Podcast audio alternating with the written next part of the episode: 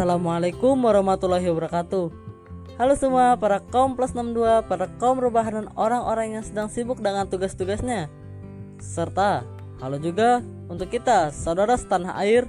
Semoga selalu sehat dan semangat Walau di tengah masa pandemi COVID-19 Halo, nama saya Ahmad Haris Prabowo Subianto Dari Prodi Matematika Fakultas Matematika dan IPA Universitas Lambung Mangkurat. Podcast saya kali ini bertema pandangan mahasiswa terhadap dampak COVID-19.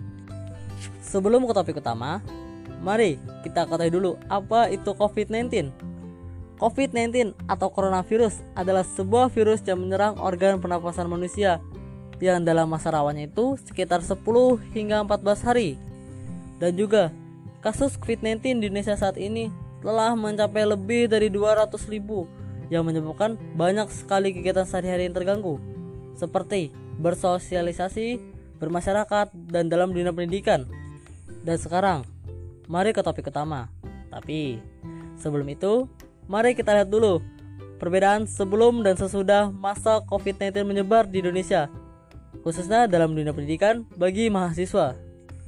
Sebelum masa COVID-19, para mahasiswa melakukan aktivitasnya seperti biasa, yaitu UKM, KMB, dan yang lainnya dilakukan secara langsung atau luring. Namun juga saat itu banyak sekali para mahasiswa yang jauh dari orang tuanya. Lalu, sesudah masuk masa COVID-19, aktivitas seperti UKM, KMB, dan lain-lain diharuskan melalui daring atau dalam jaringan agar penyebaran COVID-19 tidak semakin meluas. Dikarenakan hal itu juga, banyak mahasiswa yang pulang ke rumah orang tuanya sehingga bisa berkumpul kembali bersama keluarganya.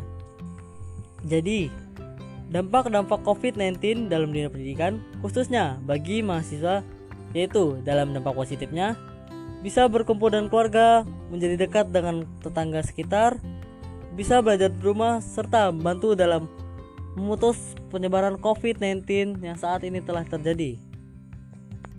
Dalam sisi negatifnya, yaitu Kegiatan perkuliahan tidak bisa berjalan seperti biasa dan juga memerlukan perangkat dan sinyal yang memadai agar tetap bisa mengikuti perkuliahan melalui sistem daring ini. Oke, cukup sekian podcast saya kali ini. Nah, menurut kamu, apakah COVID-19 itu berpengaruh ke dalam kehidupan mahasiswa atau bagaimana? Dan juga ingat, jaga kesehatan dan tetap lakukan protokol kesehatan. Lindungi diri kamu dan keluarga kamu. Terima kasih. Wassalamualaikum warahmatullahi wabarakatuh.